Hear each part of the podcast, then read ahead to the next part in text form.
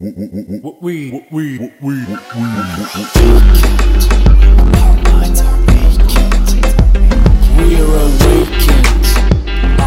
svima, ja sam Martina Đokić, a vi slušate podcast Mentalni nudista. Nalazimo se u epizodi 10 sezone 2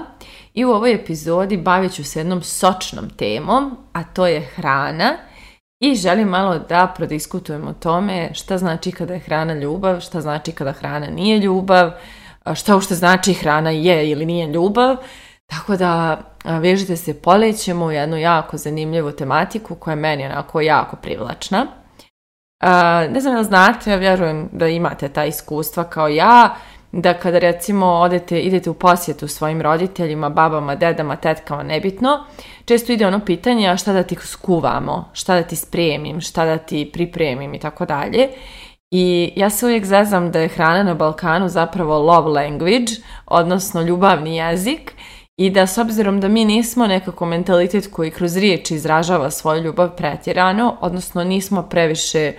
Mm, nježni i otvoreni u komunikaciji, ne izražavamo lako svoje emocije, nismo ni u kontaktu s njima lako, ako ste poslušali prethodnih koliko već 130 epizoda, onda je jasno koliko zapravo nama fali taj aspekt razumijevanja emocija, razumijevanja toga kako se osjećamo i na kraju i komuniciranja toga. Evo ja tolike godine se školujem o, sebi, o nesvjesnom umu, o emocijama, pa i dalje mi nekad teško da se izrazim i da razumijem šta je osjećanje, šta je misao, ali evo napredujem. E, pošto smo mi tako negdje malo u tom polju ovaj, stiljiviji, zatvoreniji, nepovezaniji, razvili smo neke svoje metode iskazivanja ljubavi, pa jedna od njih svakako jeste hrana i zapravo baš to priprema tog nekog obroka za nekog ko nam dolazi, ko nam je drag ili to da nekom spakujemo da ponese teglo ajvara, mislim ajvar je ultimativni znak ljubavi, to molim vas, moramo da se složimo ovdje, ali suština je znači taj neki um, dio nas koji se ogleda u prehrani zapravo je mnogo više od te same hrane i kao što rekoh, on je neki love language. Druga stvar koja je jako zanimljiva vezano za hranu jeste da mi nismo ni svjesni koliko nosimo u sebi neke mm, naslijeđene strahove s obzirom da potičemo iz kulture koja je imala izazova da se prehrani u prošlosti i svi mi smo negdje u svojim precima imali neko ko je negdje gladovao, da li neko, u nekom rovu ili na nekom ratištu ili u nekom selu, u siromaštvu, ali upitnost oko hrane jeste u našim genima i zato ja i dan danas čujem od ljudi koji nikad nisu gladovali, niti je upitno da li će imati šta da jedu, da kada kažu da žele da, mm, kada moraju da, ne znam, ostanu na određenom poslu ili nemaju, ne smiju da nešto daju otkaz ili tako nešto, obično govorim moram da prehranim porodicu. Iako nije tema da li će se prehraniti, nego je tema da li će, ne znam, imati nove patike ili živjeti u velikom stanu. Tako da, nama je negdje ostalo ta, neka tema prehranjivanja kao, kao neki nevidljivi strah koji hara među nama, a e, da kažem, naravno da ima ljudi koji su u tom problemu i naravno da ima ljudi koji gladuju, neću da se pravim blesava, da, da, da ne znam da to postoji, ali pričam sad o nekom ovom standardnom nivou uh, funkcionisanja koji je negdje, da kažem, ljudi srednjih i viših mogućnosti, na kraju krajeva ljudi koji evo imaju smartphone i Spotify uh, i, i eto, da kažem, manje više svi mi negdje smo ok što se tiče hrane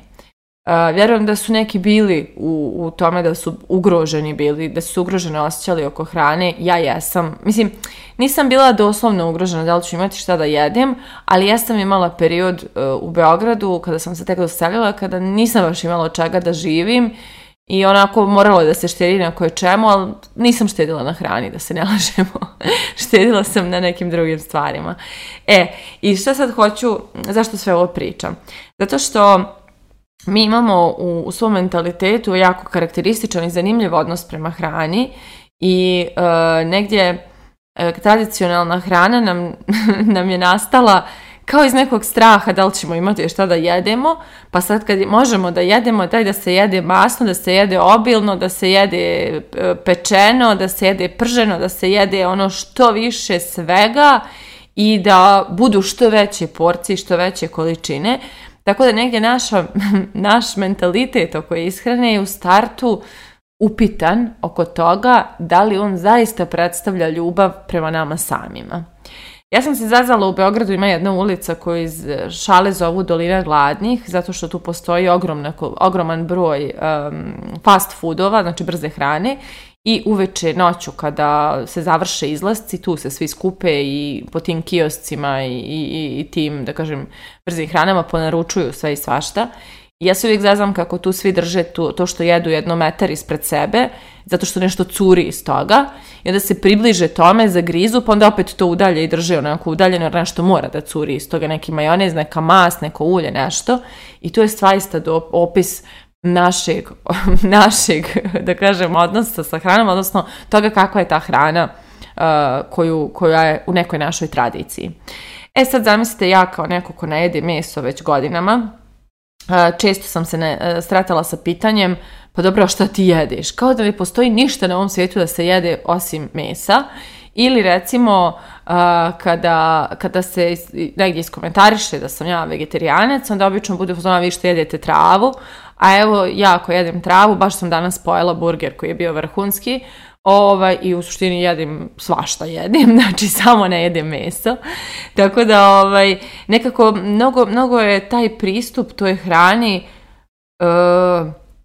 jed, jednouman, ne znam kako da, da objasnim, ali kao imamo, imamo šta je dobro jelo, imamo šta nije dobro jelo i to je tačka. E sad ono što jeste izazov u tim uvjerenjima koje nosimo, jeste što to što mi smatramo dobrim jelom često baš i nije dobro jelo kad je u pitanju naše tijelo. I kad je u pitanju naš odnos prema našem tijelu, ta naša domaćinska, moćna hrana, da se kaže da se najeo, da si vrhunski jao, da si živio ga dok si jeo taj ručak, e to uglavnom nije nešto što nama ide u prilog. I to dosta ljudi u našem mentalitetu ne shvata da to što jedemo jede nas. I da to kako se mi odnosimo prema svom tijelu zapravo dolazi na naplatu. Znači, evo koliko lijekova imamo u kući, koliko smo često bolesni, koliko ljudi ima dijabetes, koliko ima visokrvni pritisak, koliko insulinsku rezistenciju, koliko srčane probleme, koliko problema sa holesterolom, koliko problema sa gojaznošću, da ne nabrajam dalje.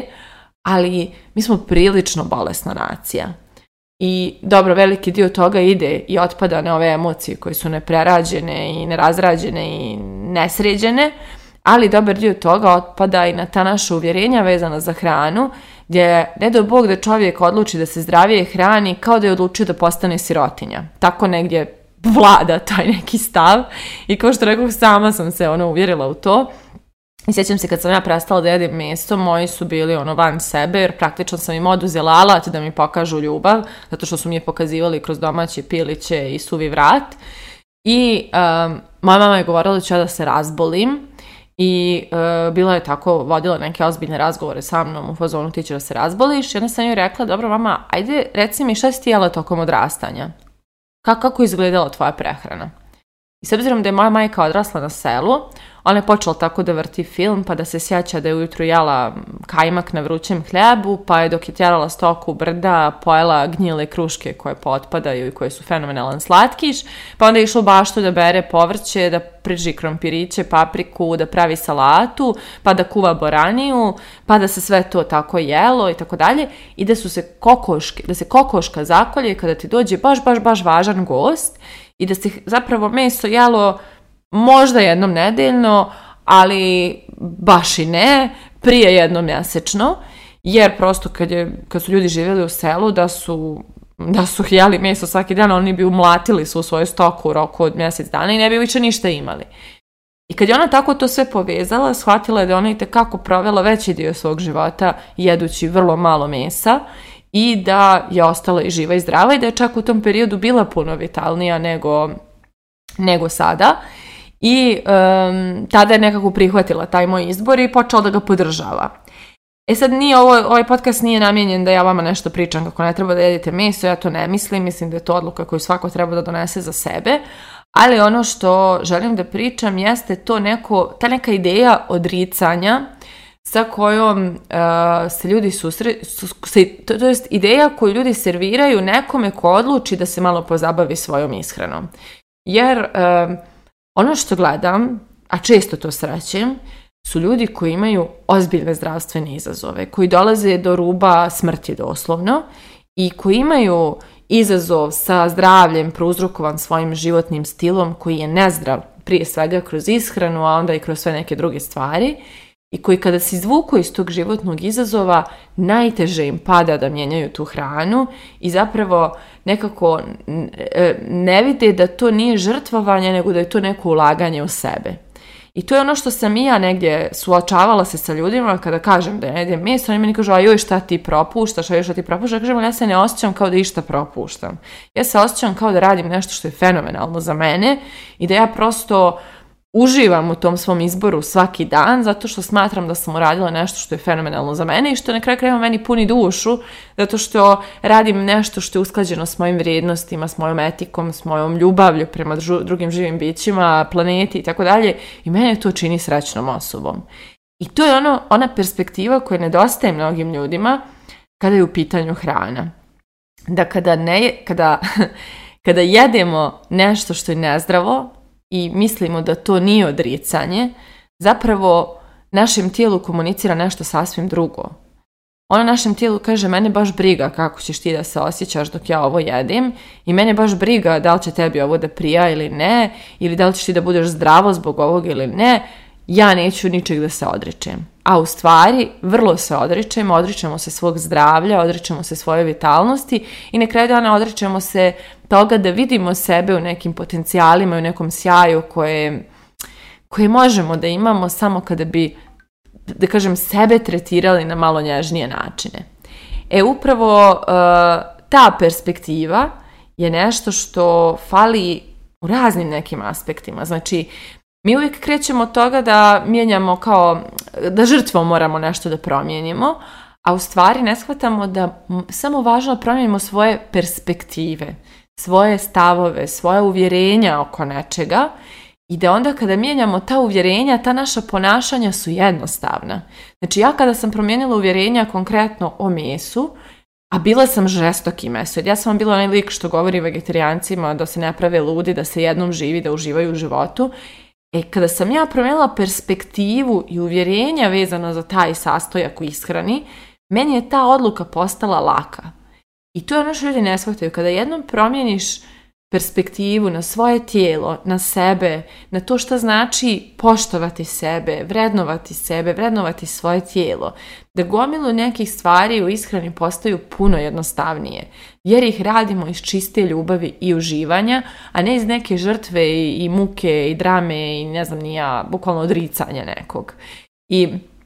tu je najveći čvor koji se zapetlja kod svih. Kao moram na mišiće da istrajem, ne znam, u nekom režimu, jer ako na mišiće ja istrajem i ja se budem odrica ove hrane, ja ću doći do željenog rezultata. A u stvari ne mora na mišiće, samo je potrebno zaći malo u svoje dubine, pogledati kakva uvjerenja tu stoje kada je u pitanju ta hrana i generalno režim ili šta god cilj koji imamo i podesiti ta uvjerenja da nam kažu e, ovo što ja radim je najbolja stvar na svijetu i ne može niko da me uvjeri u suprotno, zato što ja znam koliko će ovo mene da učini srećnom osobom i ja znam koliko je ovo zapravo ulaganje u, ne znam, moje zdravlje, moje uživanje, moje, moju radost i zato ja ovo radim sa lakoćom. I zato, da kažem, hrana jeste i nije ljubav. Znači, može da bude ljubav ako mi kroz nju dajemo sebi ljubav, ali ako mi pokušavamo nju na silu da pretvorimo u ljubav, odnosno na silu kao hranimo se zdravo, a u stvari osjećamo se jako stresno i nervozno i frustrirano što to radimo, mi onda ne dajemo sebi ljubav. Mi sebi dajemo osjećaj uskraćivanja, osjećaj zabrane, osjećaj odricanja koji sam po sebi već nas čini nezadovoljom i nesrećnom osobom. A ukoliko promijenimo svoje perspektive i promijenimo uvjerenja iz kojih vučemo određene poteze, recimo u ishrani, mi ćemo onda s ljubavlju isprovoditi te korake, s ljubavlju um, raditi te stvari i s ljubavlju postizati rezultate. I onda kada promijenimo te perspektive, sva ta hrana koja je izgleda tako sočno, masno, jako i moćno, nije više tako moćna i nije više tako sjajna, jer mi tačno vidimo šta ona čini našem tijelu i onda samim tim nekako samo onako stavimo na tas stvari, kažemo ja više volim sebe ili ja više volim svoje, ne znam, tijelo ili ja više volim svoje zdravlje ili je meni sad važno ovdje da, ne znam, pretjerujem u nekim stvarima zbog kojih se posla osjećam bolesno, onda nekako odgovor bude jednostavan i logičan. Ali da bi se uopšte moglo to izvagati, potrebno je čovjek malo i da dođe u kontakt sa tim samopoštovanjem i sa vrednovanjem sebe, sa voljenjem svog tijela, sa osluškivanjem svog tijela, pa tek onda da može da, kad pokupi sve te informacije, kaže aha, ovo mi je važnije. I pošto sam i ja sama bila neko ko, ko nije uspjevao da napravi neki, neki dobar odnos sa hranom, čak što više imala sam jako toksičan, Um, ja sam posljednjih deset godina provela u zamjeranju sebi za sve što jedem, u pretjeranom razmišljanju oko svega, u izgladnjivanju, pa pretjeranom prejedanju, pa mislim stalno sam imala neke užasne e, uspone i padove u tom polju i znam samo da sam ove godine pomislila, bože, ovo je sve toliko komplikovano i ovo ne bi trebalo da bude toliko komplikovano i pričala sam već u prošloj epizodi kako sam ovaj, e, kako sam uopšte zakoračala na put promjene i evo ovim putem mogu sada da najavim da je program spreman, e,